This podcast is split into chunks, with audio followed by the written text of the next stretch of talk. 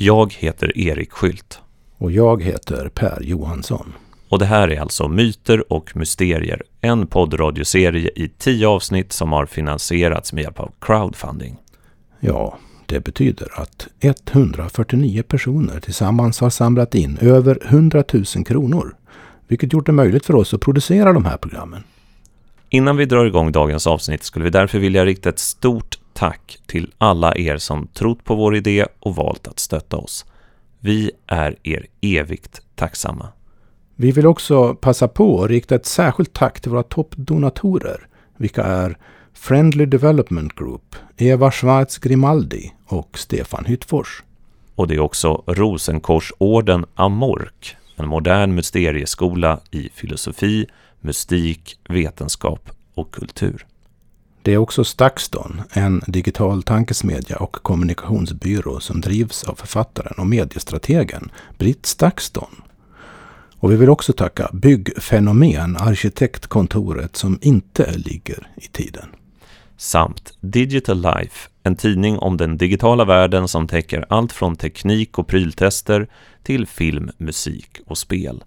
På digitallife.se så kan man kostnadsfritt prenumerera på pdf-tidningen. Återigen, stort tack till alla ni som stöttat oss. Men nu är det dags för dagens program i serien Myter och mysterier.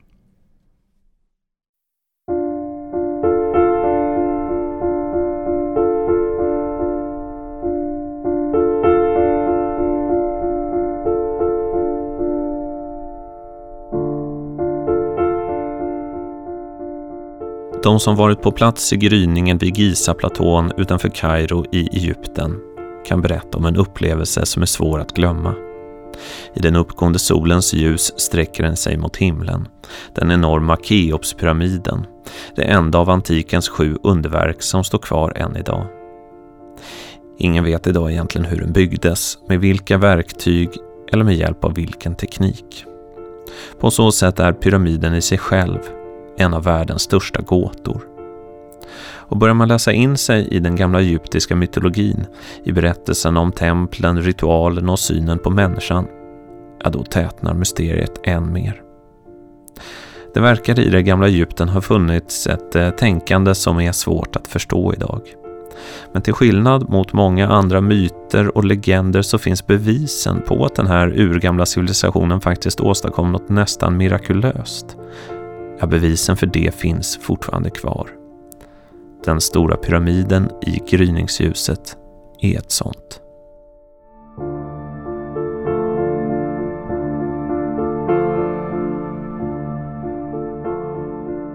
I dagens avsnitt är vi på besök på Medelhavsmuseet i Stockholm. Ett museum som har en stor samling av föremål från just det gamla Egypten. Vi sitter i kaféet innan öppning medan personalen förbereder dagens bestyr i bakgrunden. Det vi ska tala om idag kommer lägga grunden till resten av serien. Många menar nämligen att den röda tråd vi följer, själva hemligheten, ja många menar att den har sitt ursprung i den världssyn som totalt genomsyrade den gamla egyptiska tankevärlden. Det var en insikt om själva tillvaron som enligt dem själva gjorde det möjligt att påverka både det inre och det yttre. Du lyssnar på Myter och Mysterier som idag har rubriken Det gamla Egypten. Vi slutade ju, förra programmet slutade ju i berättelsen om Platon och Atlantis. Och eh, du antydde där att det fanns ett synsätt som Platon försökte fånga. Ett synsätt som på något sätt går tillbaka till det gamla Egypten. Och jag uppfattade dig där som att du försökte mm, måla upp en bild av en tillvaro, ett samhälle, ja ett helt liv där eh, det är det inre som på något sätt är, är det verkliga och det yttre är bara som en, vad ska man säga, en spegelbild eller ett sken av det här, det inre. Och eh, jag tänkte att vi skulle börja i den änden att vad är det för samhälle? Vad är det för... Vad är det som gör att, att, att det var den här världsåskådningen som var så förhärskande i det gamla Egypten? Ja, det första som slår mig när jag hör dig nu det är att det fanns en del att anmärka på. eh, inte för att vara någon sorts över, övernitisk kritiker här, men det, det, jag tror det är väldigt viktigt att vara eller att inse att när vi pratar om gamla Egypten och inte bara om gamla Egypten, om vi skulle prata om gamla Babylon eller om vi skulle prata om, om den eh, gamla indiska, vediska traditionen och så vidare så skulle vi stå, eh, skulle ställas inför samma problem. Vi skulle nog ställas inför, inför faktiskt inför delvis samma typ av problem om vi skulle prata om den tidiga kristna traditionen. Och vilka är de problemen då? Jo, en del kom liksom lite indirekt till uttryck i ditt sätt att formulera det nyss faktiskt. Mm. Om, om vi tar Platon först. Platon befinner sig ju i en tid då det gamla Egypten inte finns längre. Nej, just det. Det gamla Egypten är, är, har upphört på Platons tid. Så redan på Platons tid är det gamla Egypten det gamla Egypten, mm. kan man säga. Just det. Vad man kan säga om Platon och alla, även andra gamla grekiska filosofer är att väldigt många av dem och förmodligen på olika sätt grekiska kulturen och mytologin överhuvudtaget är väldigt influerad på olika sätt av gamla Egypten. Så det finns ett, en, en sorts... Därmed inte sagt att det är någon sorts direkt arvtagare av gamla Egypten, för det är, inte, är det inte. Det finns till exempel starka tecken på att det finns en hel del inflytande från Indien i den grekiska kulturen också. Förutom inhemska traditioner då. Men det där är ju en annan historia såklart. Men Platon återkommer till Egypten flera gånger och det, det är helt klart att man i det antika Grekland och senare även under romartiden ser det gamla Egypten som någon sorts ställe där man hade koll. Där man visste saker. Och att man hade glömt bort mycket av det där. Och Platon befinner sig, skulle jag våga hävda, i den, i den situationen. Att han, han är medveten om att mycket vishet har försvunnit. Han, han lägger ju de här orden i, i eh, den här egyptiske prästens mun när det gäller det gamla Atlantis, eh, apropå Atlantis att ni greker, ni är som barn i tanken. Liksom. Ni förstår ingenting egentligen. Ni har glömt er egen historia. Ni, ni har inget stort, det, det, stora perspektivet har försvunnit för er. Så att, och det där tror jag är, kan man tolka som en sorts underförstådd kritik av Platons samtid. Vad är det då som har försvunnit då? Vad ja, är det som han har glömt bort? Och det, eh, om, om, vi, om vi lämnar Platon i sig, eh, eh, men det ligger under, på något sätt ligger det under att Platon försöker förmedla en mera rationell variant, en mera resonerande variant av en typ av tänkande, en typ av attityd i världen som var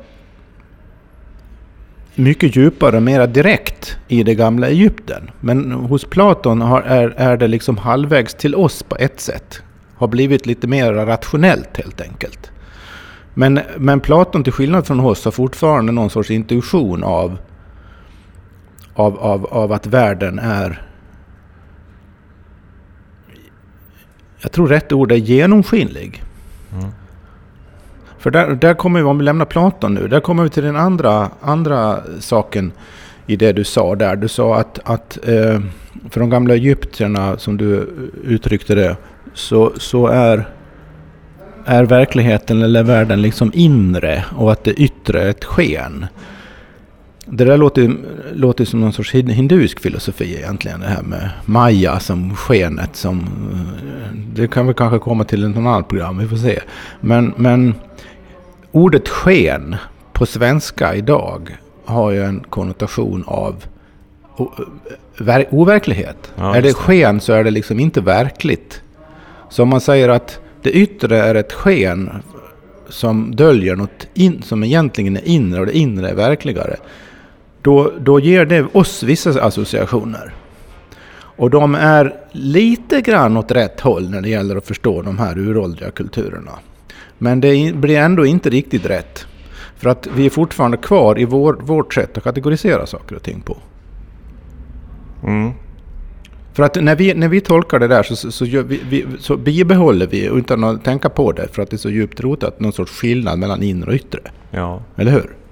Och jag, jag skulle säga att det, idag finns det väl också den uppfattningen att det inre är kanske inte overkligt, men knasigt och, och märkligt och eh, egentligen bara ett uttryck för människans, vad ska man kalla det,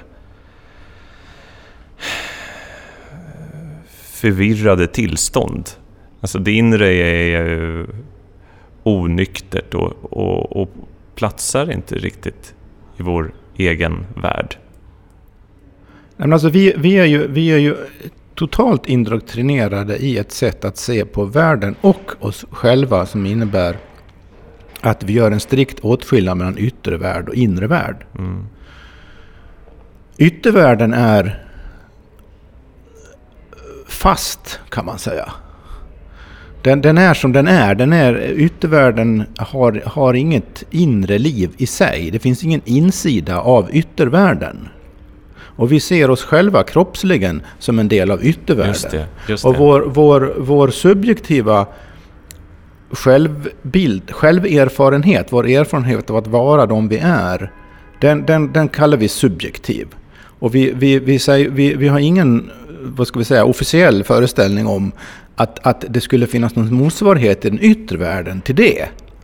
Nej. Utan den yttre världen är ogenomskinlig, den är liksom en yta. Vi, vet, och så säger vi att den är objektiv, den existerar oberoende av oss. Mm. Eller hur? Ja, just det.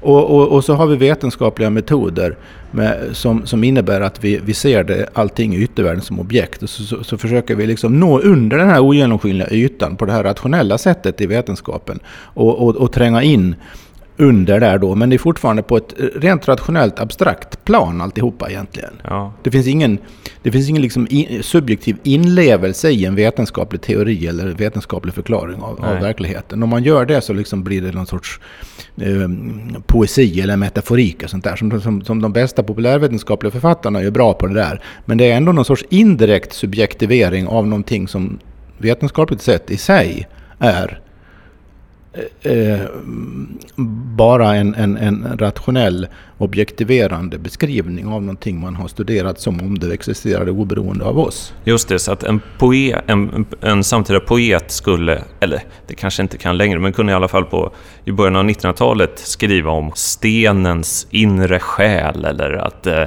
bergsluttningen tittade ner på mig eller att eh, eh, solnedgången talade eller något sånt där. Men då läser vi det bara som poesi. Ja, det är metaforer. Ja, Symbolik ja, i någon sorts... Det är kanske fantasi också, Ja. eller barn, barnsliga liksom, dagdrömmerier. Det är ingen vetenskapsman som har hittat eh, stenens själ. Idag i alla fall. Nej, de hittar ju knappt någon själ i oss ens. nej, nej, nej, det är sant. Ja. För att vi, när vi studerar oss själva vetenskapligt på samma sätt som om vi vore en del av yttervärlden. Ja. Alltså vi låtsas att... Det, det är en väldigt märklig eh, vändning egentligen på något sätt. Att man studerar människan som i sig själv är en inre upplevelse av tillvaron. ja. Som om hon, vi, är ett objekt. Alltså man låtsas att man själv, om man, om man sätter in sig själv som representant för människan som man objektivt säger sig studera, så, så, så, så måste man ju säga så här att jag, vetenskapsmannen, studerar mig som om jag var ett objekt. Som om jag, jag inte egentligen fanns. Jag sätter liksom parentes kring själva mig. Nej, just det. Ditt medvetande och upplevelse av världen. Och det är liksom irrelevant, utan det ska, det ska beskrivas i, i någon sorts objektiv, objektivt mätbara, observerbara processer. Och alla förklaringar och teorier ska byggas på det. Så det, vad vad innebär det? Jo, det innebär att vi, vi, vi skapar hela tiden automatiskt ett, ett avstånd mellan oss och hur vi studerar saker och ting. Och hur skiljer sig då det från den här genomskinligheten som, som Platon då förnimde? Och som kanske var Ja, som ännu han- starkare i det gamla Egypten. Han försökte förmedla det kan man säga ehm, genom förnuftiga tankeutbyten. Men för de gamla egyptierna, om, om, om, Dialoger, om vi alltså. snor en av dina metaforer, poetiska metaforer nyss, som berget som ser ner på en. Ja, För, eh, inte för att, det, jag kommer inte på att det fanns någon direkt motsvarighet till just den symboliken eller metaforiken i, i, i gamla Egypten. Men om vi säger det för resonemangets skull just nu, så skulle en, en, en gammal egyptier skulle inte uppfatta det som en metafor, utan som något som bokstavligen faktiskt händer. ja. Att berget verkligen ser honom. Mm. Men Och det, då, alltså det, det, det, det, är en, det, det är en annan värld. Men då skulle jag säga, men det där tänkandet har man ju funnit på många ställen på jorden i naturfolk och, och det som tidigare kanske har benämnts som primitiva religioner och eh, eh, världsåskådningar. Det vill säga att man lever i en skog och så tycker man allting är besjälat. Alltså, apan har någon själ och stenen har en själ och blomman har en själ och berget har en själ och regnet har en själ. Men jag har en uppfattning att i gamla Egypten så finns det någon typ av vad ska man säga? Det finns ett djup i det där tänkandet. Som skiljer sig. Ja, ja, det finns en skillnad i djup. Det finns en skillnad i hur oerhört sofistikerat utarbetat det är. Men grundprincipen är, den, är densamma. Vad vi har att göra med här skulle jag nog vilja hävda faktiskt är det ursprungliga mänskliga förhållningssättet till tillvaron. Som i Egypten och en del andra gamla civilisationer, men det är i, sin, i, en enorm eh, utsträckning i, i just Egypten har på något sätt, kan man säga, systematiserats. Utan att man lämnar grundsynen som är någon sorts gemensam grundsyn på tillvaron hos egentligen alla, eh, alla folk förr. Eller icke-moderna folk som inte har den här dualistiska uppdelningen mellan saker och ting. En, en, en sorts enormt utarbetat institutionaliserad systematisering av det synsättet. Det är som om man hade, det är som man skulle kunna säga så här att i gamla Egypten gjorde man en vetenskap över det här synsättet. Men det är en vetenskap då som, som, som innebär i, i sin essens en, en, en, en direkt kontakt med människan och omgivningen. Att det, det finns ingen, ingen egentligen skillnad mellan subjekt och objekt så som vi ser det överhuvudtaget. Utan alla objekt symboliserar subjekt. Det vill säga när du, när du ser saker i yttervärlden, eller andra levande varelser i yttervärlden, naturfenomen, floder, stormar etc. Vad du ser då är det yttre uttrycket för gudar. Men inte gudar nu då i vår, vår moderna mening heller. Utan de gamla egyptierna kallade de här, det, det som brukar översättas med gudar för neteru. Och, och en, en lika korrekt översättning av det är egentligen princip. En princip, en etero i det gamla Egypten är, är en i sig levande entitet. Mm. Så, så en storm, en, en synlig, förnimbar, kännbart stormande storm är det yttre uttrycket för en stormande. Och alla naturfenomen, alla levande varelser och alla människor är sådana yttre uttryck för en inre ande. Men det betyder inte att det yttre uttrycket är ett sken. Utan det yttre uttrycket är en direkt följd. Om vi tar solen. Ra är guden bakom solen. Ra är den som verkligen faktiskt existerar. När själva ras existerande som ett verb yttrar sig i solen. Precis som nu när jag pratar så yttrar sig min tanke i mitt tal. Det är ingen skillnad på mitt tanke och mitt tal just nu medan jag pratar. På samma sätt så är det ingen skillnad mellan Ra och solen. Men, men, men precis som mitt tal, ljudvågorna som når dina öron nu, uttrycker och har en direkt, liksom, det finns ingen distans mellan det fysiska uttrycket och min tanke när du hör det egentligen. På samma sätt är det med, med, med, med solskenet. Det är, ing, det är ingen, liksom ingen gräns mellan Ra och solen. Det är inte så att Ra är verkligare än solen. De är lika verkliga. Vi ser Ra genom att se solen. Vi upplever Ra genom att uppleva solen. Allting som vi kan förknippa med solen överhuvudtaget, hur konkret eller symboliskt det än är, är uttryck för Ra. Men vilka är vi då som solen lyser på? Eller som Ra skiner på? Ja, människan är ju då en, en levande varelse bland de andra levande varelserna.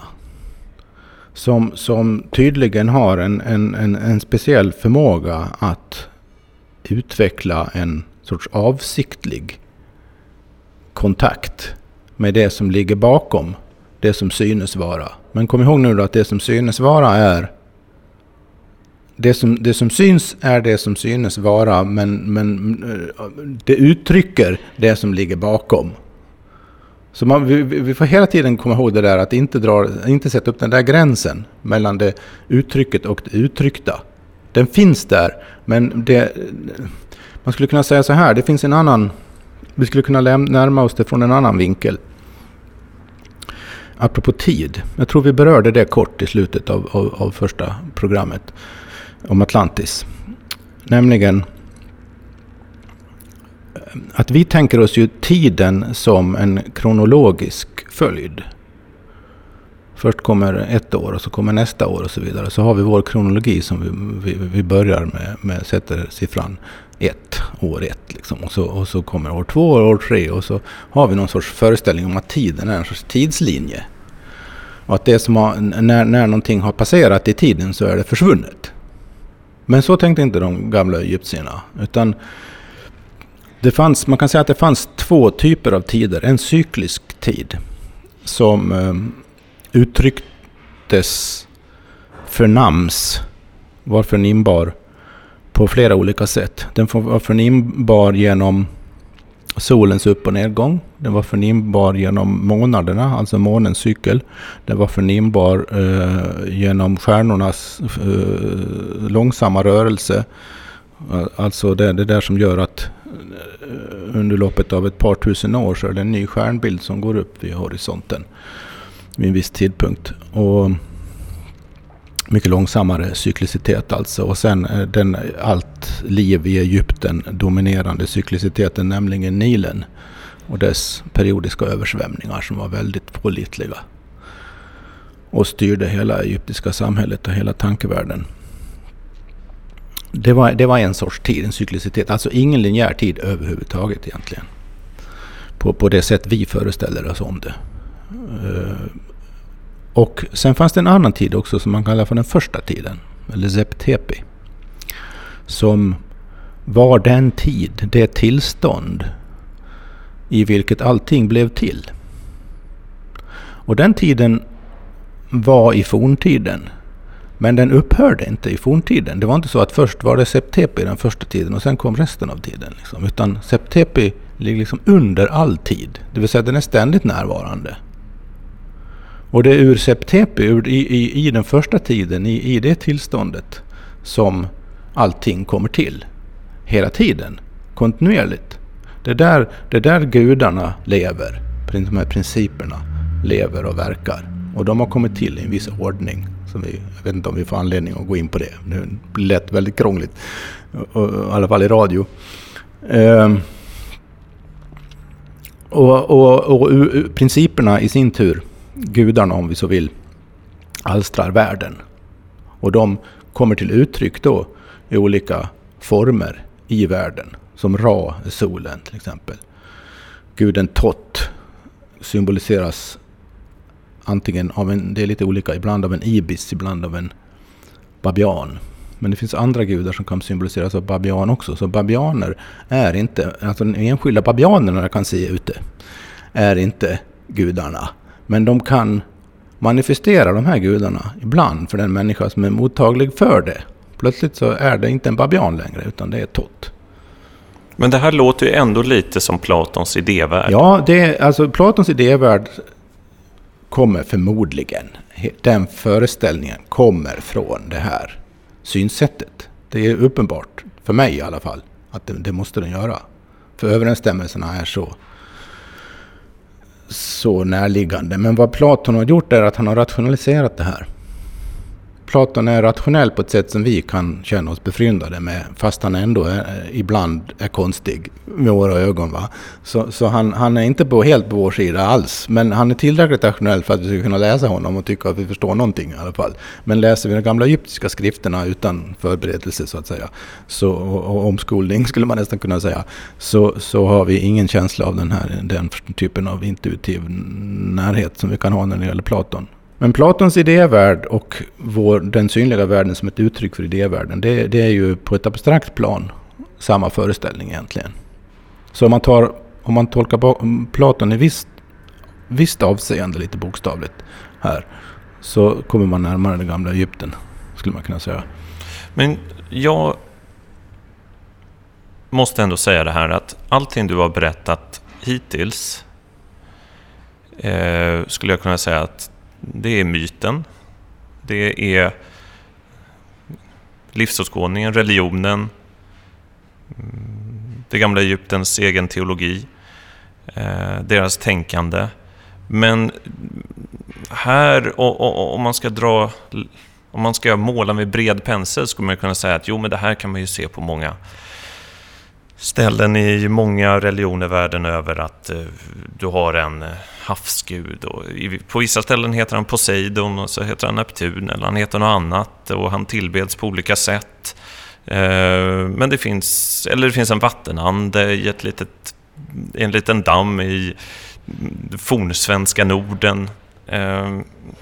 Alltså det här synsättet att, att det finns gudar eller principer bakom det vi uppfattar som världen, det är ju ganska utbrett. Ja. Men, nu kommer jag till det som är mysteriet, i alla fall för mig. Och det är att i det gamla Egypten, som är ett, och då menar vi verkligen det gamla Egypten, 5000 år sedan ungefär, mer kanske, 7000 år sedan ibland, så hade de ju inte bara en spännande livsåskådning som vi kan ta del av i gamla papyrusar och sådär. Utan, och det här mysteriet kommer, de kunde bygga saker som är helt otroliga. Och faktiskt helt otroliga. Jag ägnade de här dagarna innan vi skulle ses här att titta på lite sån här, lite enklare dokumentärfilmer som ehm, Ja, många skulle nog avfärda dem som alltför spekulativa, men, men de jag har försökt välja ut har varit ganska nyktra i sin beskrivning av det gamla Egypternas eh, byggnadskonst och eh, förmåga att uppföra tempel, pyramider, statyer, vaser som man än idag inte vet hur de gjorde. Och, och det här var nytt för mig också. Eh, man tänker ju ofta så här, ja, ja, man vet inte hur de gjorde det eh, utifrån deras egna förutsättningar som var mm, enligt arkeologin på någon slags bronsåldersnivå. Men det finns faktiskt eh, man kan ta så enkla saker som en del typer av vaser eller kärl som finns på olika museer. Jag vet inte om det finns på Louvren, men det finns, finns i alla fall på det stora arkeologiska museet i Kairo. finns det vaser som är gjorda av så pass hårda stenmaterial med en sån pass exakthet så att inte ens idag med moderna maskiner kan man åstadkomma den exaktheten. Och för mig är det det här som är mysteriet. Att det du har berättat myten, inte bara... Jag menar, precis som all typ av religion, det kan ju vara ett spännande sätt när man vill försöka undersöka vad världen är, men på något sätt måste det väl varit... Eller jag tolkar det som att egyptierna... De lyckades... De lyckades... Ja, vad ska man använda för ord? På något sätt lyckades de ju omforma yttervärlden på ett sätt som vi inte förstår. Men vad du, vad du säger nu, att det jag beskrev nyss väldigt allmänt, är en sorts mytologi, en tankekonstruktion egentligen, är implikationen i det du sa. Och så uppfattar vi ju det lätt. Om vi läser, lånar på biblioteket en bok om egyptisk mytologi. Och så läser vi den och så tyckte jag ja, det här var ett coolt sätt att se på saker och ting. Eller det här var ju absurt. Eller något. Vi behandlar det som om det var vilken bok som helst. Vilken tankekonstruktion som helst. Vi är vana att behandla saker som tankekonstruktioner. Eller hur? Men det här med när jag säger så här att solen är det bokstavliga, faktiska uttrycket för Ra. Då är det ingen föreställning, utan en direkt erfarenhet. När någon ser och hör Tott genom en babian så är det Tott. Det är inte så att man tänker sig att nu låtsas jag att, eller nu är jag i trans och pratar med Tott eller någonting, utan man gör det. Och det är där vi har svårt att förstå att, det, att, man, att man faktiskt... Det, det där, eller man skulle kunna säga så här, det är det där steget vi aldrig tar när vi tänker på det gamla Egypten och motsvarande andra traditioner eller civilisationer. Vi tar aldrig det steget att ens tänka tanken att de menar vad de sa. Att de verkligen gjorde det, det de gjorde i enlighet med hur de har uttryckt att de faktiskt tänkte. Vi kan ta ett exempel. Du nämnde statyer. I, tem I templen i det gamla Egypten så fanns det statyer i alla storlekar. En del var ju kolossala. En del var mera normalstora. Och de, alla de här statyerna representerar gudar. Även om de representerar till exempel en farao så representerar de den gud farao är. Det är inte så att farao i den gamla egyptiska föreställningsvärlden, synsättet, sättet att överhuvudtaget förhålla sig till allting. Det är inte så att farao liksom som man säger så här att vår svenska kung han symboliserar rikets enhet eller någonting sånt där över politiska eh, skiljaktigheter och sådär. Men kungen han är ju bara en person liksom. Stackars han ungefär. Eller men vi skiljer på liksom kungen som person och kungen som institution, eller hur? Men det gör man inte i det gamla Egypten. Utan det, farao är, är en gud. På riktigt. När han är farao. Men om vi tar det här med statyerna. Mm. I templen i Egypten då. De här statyerna skötte man och, och vårdade. Och man, man klädde på dem på morgonen och man, de hade olika mm, draperingar en del vid olika tidpunkter beroende på vad det var för... för ehm, ja, det, man, i, i, dagens termer skulle man säga att det fanns olika mytiska cykler. Liksom, så, och, och, då kunde man, man, man eh, utstyra dem lite olika. Eh, man gav dem mat och man, man pratade med dem, det vill säga man, man, man eh, bad till dem, dyrkade dem skulle vi säga. Men så såg man inte själva att man gjorde egentligen. Utan vad man, vad man gjorde var att man med de här olika ritualerna så levande gjorde man statyerna. Man fick statyerna att representera, direkt uttrycka gudarna lika direkt som solen uttrycker Ra. Det vill säga man pratade faktiskt med guden som faktiskt fanns i statyn. Det där, är ju, det där tar ju inte vi på allvar. Nej. Men jag tror faktiskt att om man, om man verkligen ska förstå det gamla Egypten så måste man kunna tänka tanken om som bara som en intressant fantasi från vår väldigt rationella synpunkt här i världen. Att det var så.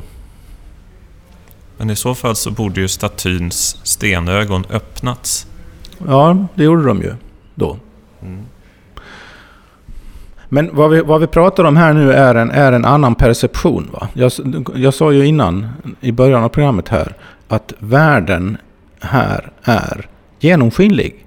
Det vill säga, vi ser en staty, vi ser en stenklump formad som någonting. Men i det gamla Egypten ser man det är, stenen är, är liksom genomskinlig. Man ser in i stenen och där inne i stenen bor faktiskt guden. Man ser guden i stenen.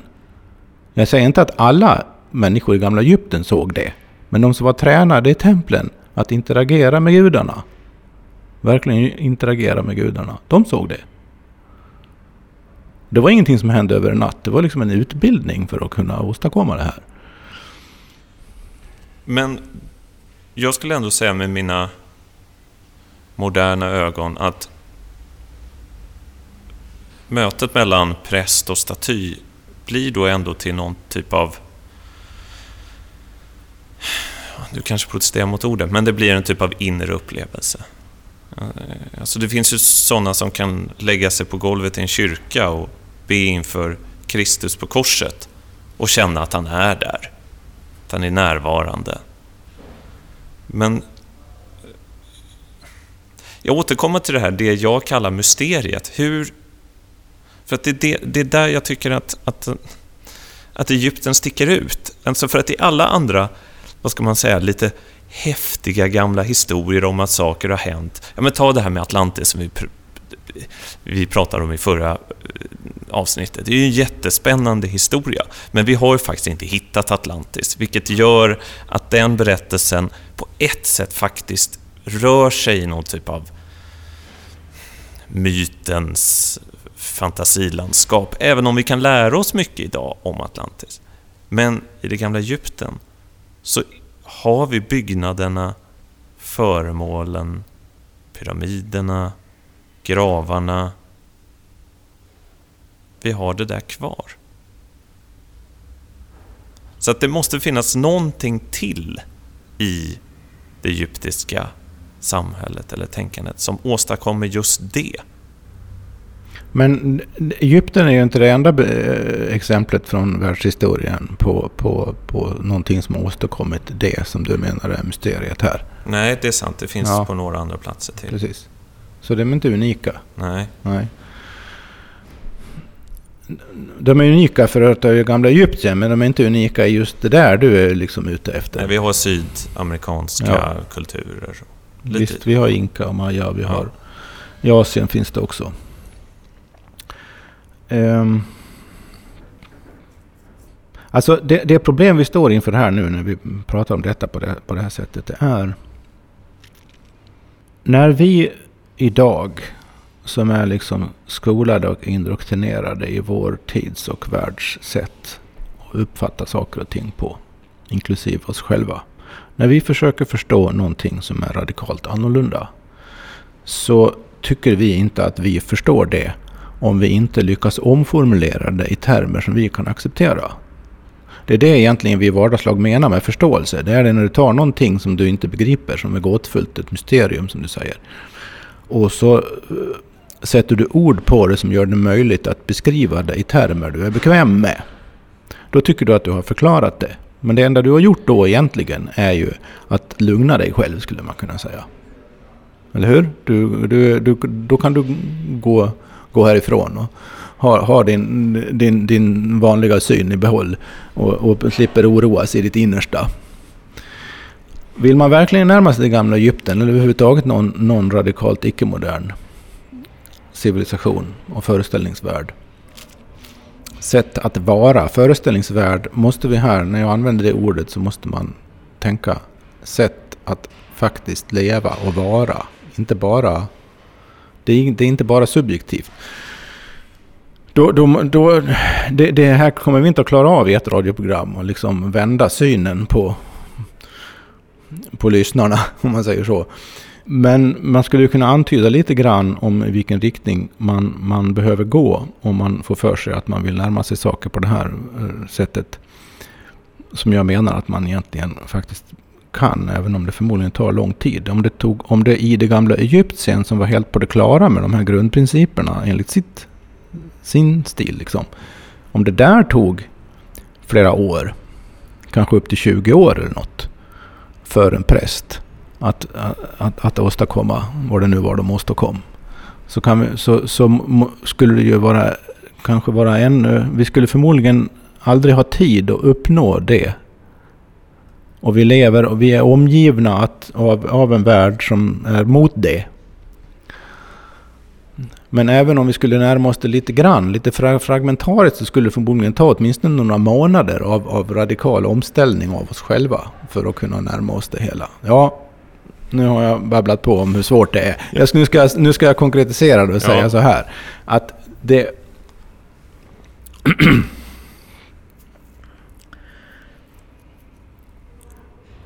i, i, i alla dina liksom, invändningar är väl fel ord va, men i det du liksom, du, du, du, du så har du sagt, ja men det här var Egypt, det var, en, det var en, vi skulle säga att det här var en inre uppfattning.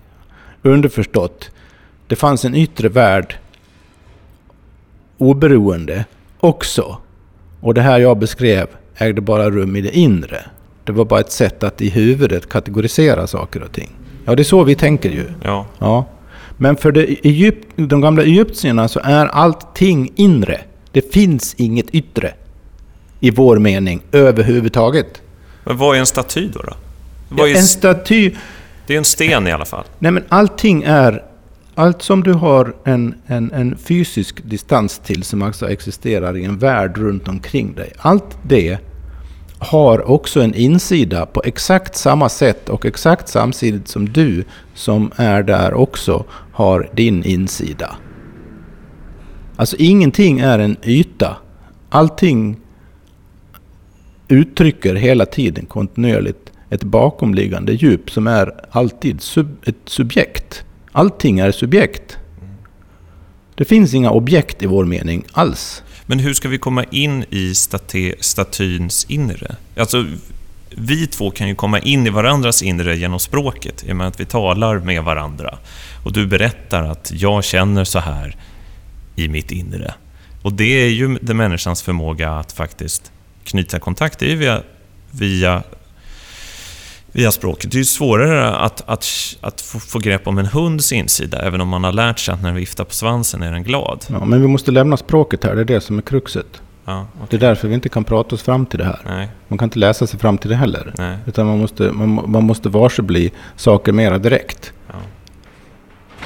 Det är en, det är en icke, icke-språklig träningsprocess Ja. det är frågan om. Som man kan prata om om man har den erfarenheten. Kan man sätta ord på det. Och de som delar de erfarenheterna. Men, och det är ju i sig inget konstigt. Eller hur? Nej. Så är det ju om vi tänker efter med, med, med, med allting vi pratar om också. Om du till exempel om du pratar om radioteknik Ja. Med någon som inte har en susning om knappt vad, vet inte hur mikrofonen fungerar, förstår ingenting med det här med puffskydd, eh, vet inte hur, hur, hur någonting funkar, vad, vad är skillnaden mellan digital och analog och eh, jag har ingen aning om någonting av det där. Och, och, och, och, så, och så ska du förklara för den här personen det här. Och, och det du vill förmedla då är inte någon sorts objektiv läroboksbeskrivning av det hela, utan det du vill förmedla är vad allt det här betyder för dig när du bokstavligen skapar radioprogram Ja. som säger lyssnarna någonting och där tekniken är en sorts medel för att få fram det uttrycket. Om du ska prata om det med någon som inte har en aning om Ja. hantverket du kan så bra. Så det går inte, eller hur? Du skulle aldrig i tal kunna förmedla det. det du, du skulle, den enda du kan prata med om det är den som har åtminstone ett rudiment av motsvarande faktiska levande erfarenhet som du har. Men Eller hur? allting som har med radioteknik att göra kan ju jag plocka isär i sina beståndsdelar och visa, för att det kommer ta lite tid, hur det fungerar. Ja, men varför skulle vara det som säger att du inte kunde göra det om du är en gammal egyptier? Du, du har ju här, titta här, här har du den guden och här har du den statyn och, och här, har du, här har du de här magiska formlerna. De är här på väggen i hieroglyfer. Ja. Ja, det ser ni ju. Alla komponenterna finns där. Men om vi då, om jag lovar att vara lite okritisk här, om vi, om vi går in i vad hände? För att jag kommer hela tiden tillbaks till det här mysteriet hur hur de kunde åstadkomma det de faktiska underverk faktiskt. Ja, Jag vet inte det. Det är ju som du själv säger, det är ingen som vet det. Nej. Men man, man, man skulle ju kunna... Man, det finns ju två... Men varken du eller jag kan ju egentligen kliva ur det, kliva in i det gamla Egypten och vara gamla egyptier och sen komma tillbaka och berätta hur det var. Så, så vad vi än säger här, vilka källor vi än använder, vilka experter vi än anlitar eller efterfrågar eller vilka böcker vi än läser, så, så kommer vi att behöva göra någon sorts egen urskiljning av värdet i det som kommer fram. Och, och när det gäller när det gäller men då forskare som har försökt förstå det gamla Egypten, om vi, håller, vi håller oss ju där nu, så kan man grovt sett säga att det fanns, finns två, egentligen eller fler, men det är två kategorier som är värda att ta på allvar, skulle jag säga. Den ena kategorin är de, om jag vågar säga så, van, gamla vanliga eh, egyptologerna på våra universitet. Som eh, liksom alla akademiker omgärdade med diverse begränsningar i hur, hur, hur spekulativ tanken kan bli. De, det, akademisk forskning är ju evidensbaserad så att säga. Den, den, den, den bygger på, på etablerade tankekonstruktioner. Den, den bygger på väldigt nära kännedom om materialet, fynden. Som, som fynd liksom. Som saker som är bevarade på museer. Sådana forskare förmedlar ju någon sorts ganska konventionell historieskrivning egentligen. Det är en, en historieskrivning som innebär att att när man läser det gamla Egyptens historia så är det ingen artskillnad mellan att läsa om det eller om man läser om Bysans eller erövringen av Amerika eller någonting.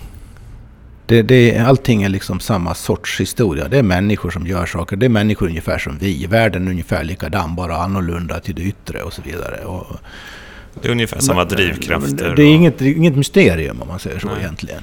Det kan vara väldigt svårbegripligt och svårförklarligt en del grejer. Och, och, och, det kanske det mest konstiga kanske man sätter lite parentes kring för man vet inte riktigt vad man ska göra med det. Men, men man så har, det är en kategori forskare. Ja, och man ja. har ganska rationella förklaringar. Keopspyramiden är Keops grav och att den var så stor var för att han var så mäktig så han ville visa att han var så stor. Därför ja. så byggde han ett väldigt stort gravmonument.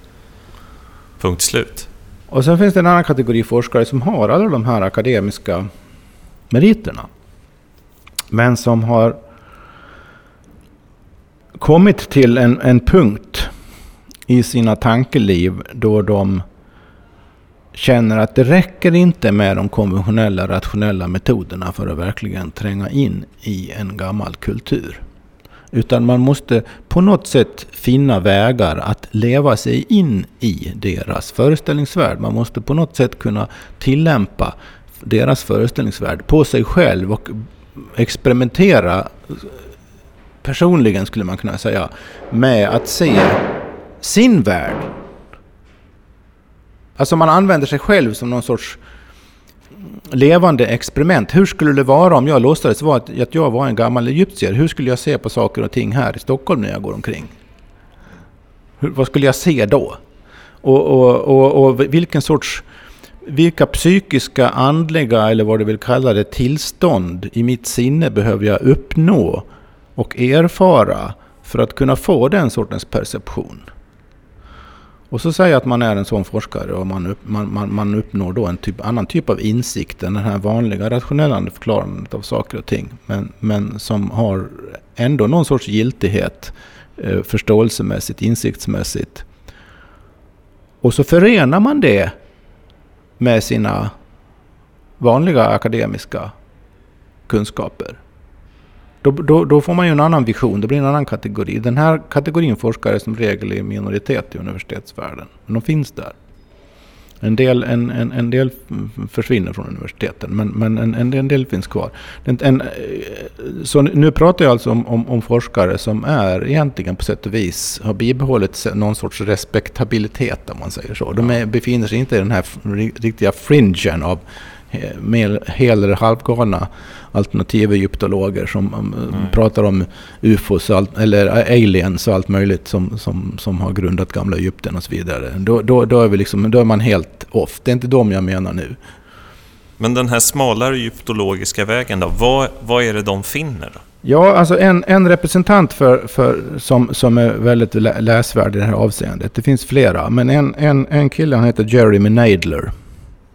Han har skrivit flera böcker om just det gamla Egypten. Eh, och där, där han eh, lyckas eh, levandegöra han lyckas gestalta och förklara och beskriva och om man så vill förklara en del grejer.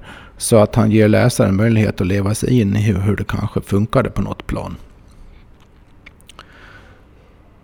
Du kan titta lite i, i en bok av honom här, eh, apropå det där med, med statyerna. Vad han, vad han säger om det. Det kunde vara lite intressant faktiskt. Det, eh, just den här boken, han skriver den på flera ställen, men just den här boken heter The Future of the Ancient World. Den handlar inte bara om det gamla Egypten, utan den handlar överhuvudtaget om hur skulle det vara om vi idag lärde oss att se världen så som man gjorde för länge, länge sedan. Vad skulle det innebära? Ja, alltså det här... Det här uh, vi kan inte gå in på alla detaljerna här, tyvärr. Vi får försöka förmedla bara någon sorts snabb association av, av, av det hela. Men grundtanken är att varje bild, alltså var, varje ikon, ikonisk representation, varje, vare sig det är en målning nu då, eller en, en, en relief eller en staty,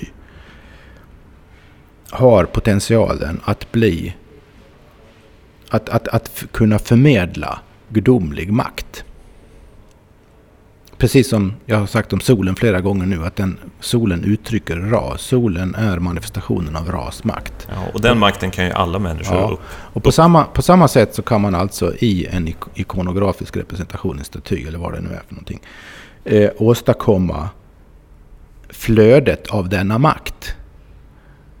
Så först gör, gör du en staty. Sen har du en speciell kunniga personer. Konstnärerna här är magiker snarare än konstnärer i vår mening. Som i sitt arbete och i diverse ritualer och formler kring det hela och med prästernas hjälp. Och det finns säkert prästkonstnärer, magiker också. Gör det möjligt för den gudomliga kraften man är efter i just den statyn att manifestera sig. Det, man väljer rätt typ av material, man använder, man använder rätt, rätt färg, färger, man, man eh, om det är trä eh, ingår på något sätt så behandlas det på, på ett särskilt vis. Och på, på, i, olika, i flera steg och på olika sätt då så liksom förseglar man kan man säga närvaron av guden i den här statyn. Och sen gäller det att upprätthålla den då. Och det, det jag har sagt eh, väldigt förkortat här nu då om, om hur en, en, en gudomligt animerad staty kommer till. Det gäller inte bara statyer utan det gäller också till exempel samhälleliga funktionärer av olika slag. Inte minst farao själv som också genomgår diverse ritualer och, och för att bli den gudomlige farao. Och, och, och vad, vad, vad är syftet med det här nu då? Ja, det övergripande syftet med allt sånt här i det gamla Egypten, det var att upp, upprätthålla eh, en, en balans i tillvaron. En balans mellan de skapande och de destruktiva krafterna. Och de, de, de, de harmonerande, harmonerande principerna, de kallar man med ett samlingsnamn för Mat, som också var en gudinna. Och de destabiliserande, destruktiva krafterna sammanfattar man i termen isfett. Så allting var en, en kamp mellan mat och isfett kan man säga. Och det gällde då att med alla eh, rituella medel upprätthålla mahat mot isfett. Det, det, det, var det som fundamentalt sett var det man höll på med och det var därför den egyptiska civilisationen varade så länge. För man lyckades upprätthålla mat mot isfett. Men den här kraften då som frigördes, den gudomliga kraften. Vad kunde den användas till? Då? För det låter ju som någon typ vad av som magi. Händer, vad som Ja, det är magi. Visst är det magi. Verklig magi. Äh, vad, vad vad som händer är ju att, att när du kommunicerar med den här statyn så är du och guden på samma våglängd. Om man nu använder en sån modern metafor. Va? Det betyder att du har, du har Och nu är det ingen skillnad mellan subjekt och objekt här. Du har i ditt inre, i kraft av din egen gudomlighet kan vi säga. Och i kraft av din identifikation med guden. Tillgång till det. Direkt i möjlighet att påverka och inverka på det som ligger bakom det som synes vara. Du är alltså identifierad med principerna bakom det vi moderna människor kallar den materiella världen. Du är i, du är i de principerna. Du är identifierad med dem så länge du kommunicerar med den här guden. För guden är inte bara en gud i, i vår moderna liksom, ytliga mening, utan guden är en del av de, en, en av de principer som upprätthåller och kontinuerligt skapar själva världen du befinner dig i. Men det låter ju som en oerhörd kraft. Ja, så att om du, om du då har, har den här direktkontakten med den kraften, då kan du ju alltså forma materien egentligen. Påverka materien, det vi kallar materien. Det som vi ser som någon, någon, någon, någonting materiellt, påtagligt, opåverkbart på något sätt om vi inte använder moderna vetenskapliga tekniska metoder. Det, det kunde de gamla egyptierna komma åt direkt. Genom att bli ett med, med principerna bakom det hela. Som människor, som personer. Eller som, ja, alltså det, det, alltså, grejen med det här, det här resonemanget nu då, som de flesta säkert skulle tycka, ja det där låter ju bara som någon, någon science fiction. Ja men det är ju nu det blir intressant. Ja men det alltså. Nu, det är nu det, blir spännande det är på precis, riktigt. Det är precis så.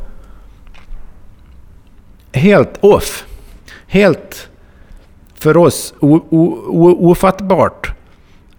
Det blir om man tar egyptierna, vad de gjorde vad de själva har skrivit och vi kan uttyda att de säger att de gjorde, så var det det de gjorde. Nu kanske jag har beskrivit det här lite, lite, lite liksom ytligt och lite halvt lättvindigt och sådär. Och alla termer har inte hamnat på exakt rätt ställe och så vidare. Jag har bara försökt åstadkomma någon sorts känsla för, men för, för det. va. Men om jag då säger att skulle de föremål, eller vissa av de föremål som vi idag har från den här tiden. Eller byggnadsverk eller statyer som är kolosser men samtidigt helt perfekt symmetriska och utan en enda spricka. Skulle de då vara skapade med hjälp av magi?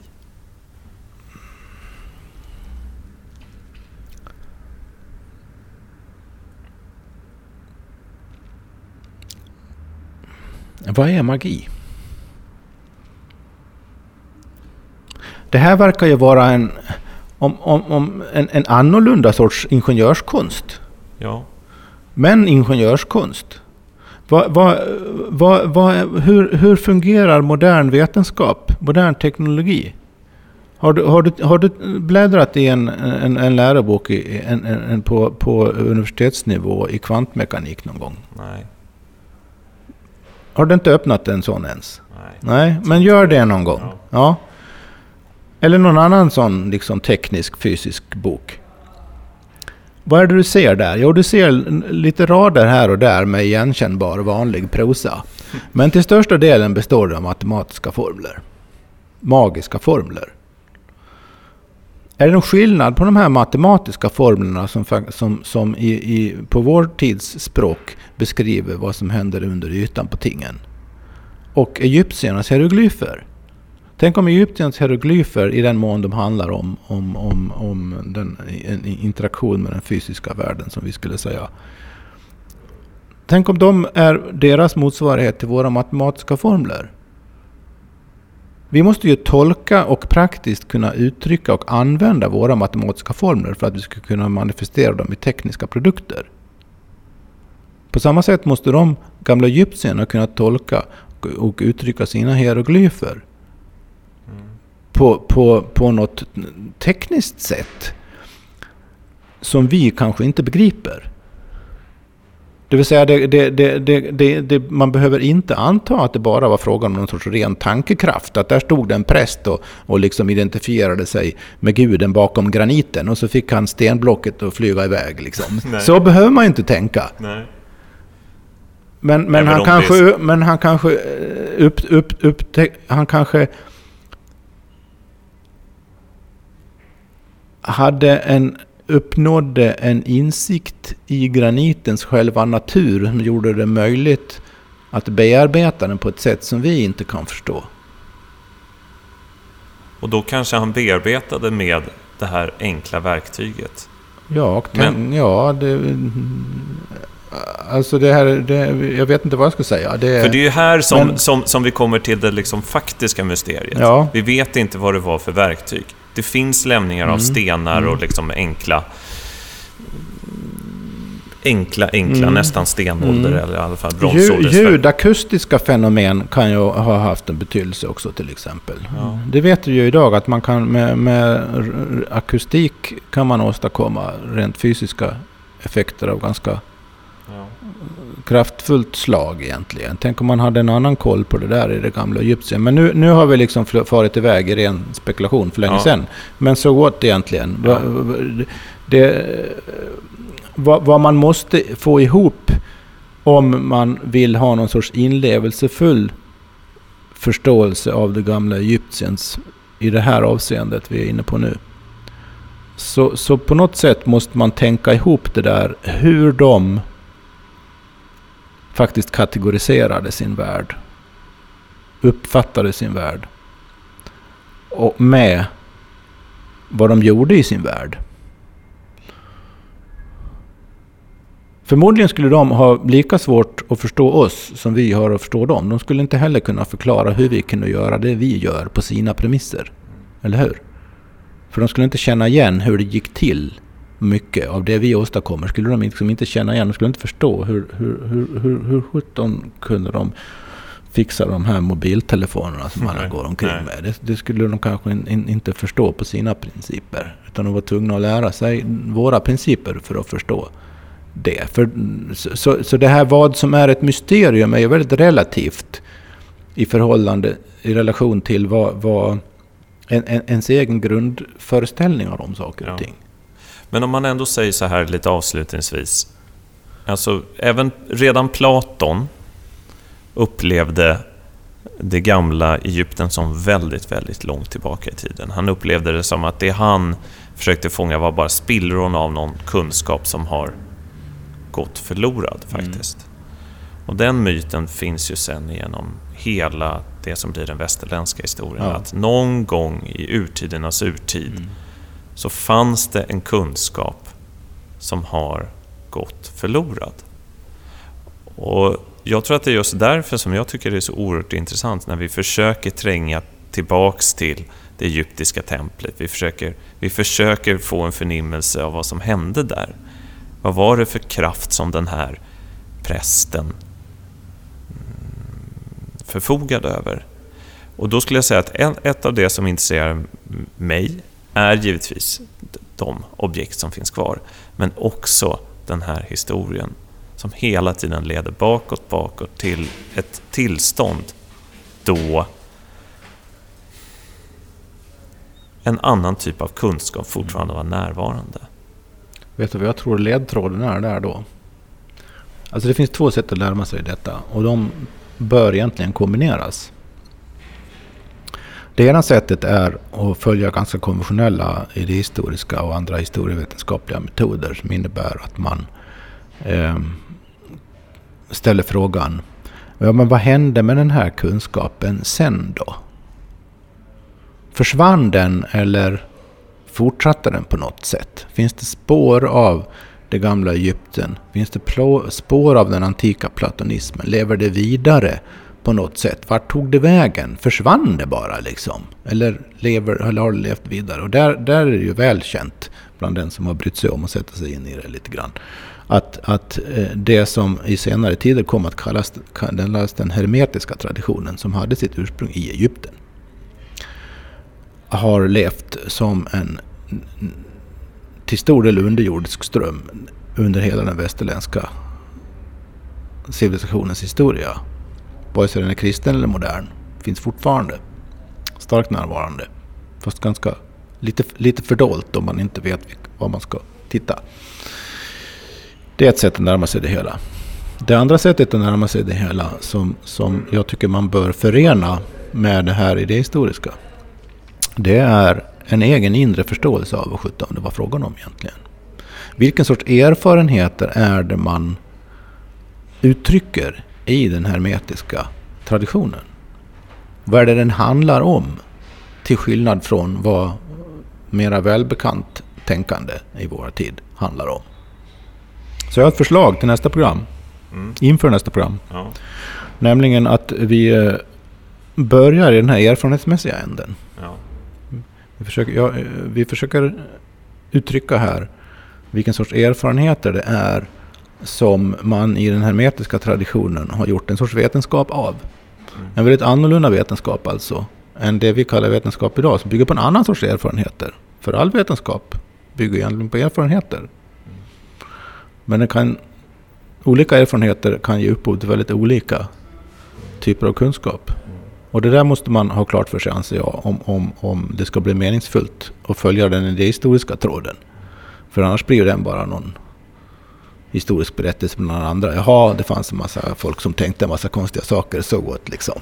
Men om man, om man skapar en möjlighet att leva sig in i vad det var det var frågan om egentligen, så, så blir ju även historien intressantare, tycker jag. Spännande. Jag tror att jag genom hela den här serien kommer bära med mig den här bilden av den egyptiska prästen framför statyn. Alltså jag kan inte släppa den. Men jag, jag, menar inte heller att vi ska reda ut allt vad som hände i det magiska rummet idag. Men, men förhoppningsvis så tänker jag att vi i olika program kommer kunna liksom ha det där i bakhuvudet. Ja, vad vi kan göra är ju, vi kan ju, vi kan ju som vi har gjort i det här programmet, känner jag nu, väckt diverse associationer som man kan göra vad man vill med. Liksom en, del, en del associationer kanske hjälper till. Ja. Stimulerar egna undersökningar ja. och funderingar. För jag tror vad vi är ute efter är inte att ge någon sorts berättande läroboksgenomgång av det ena efter det andra. Utan vad vi, vad vi försöker ringa in på våra vindlande vägar är är någon sorts in, insikt i vad det skulle kunna vara frågan om alltihop det här ja. konstiga. ja, men vi sätter punkt här för idag. Mm. Du har hört Myter och mysterier, en poddradioserie av Per Johansson och mig, Erik Skylt. Musiken i början av programmet var gjord av Chris Zabriskie. Mer information om programmen hittar du på myterochmysterier.se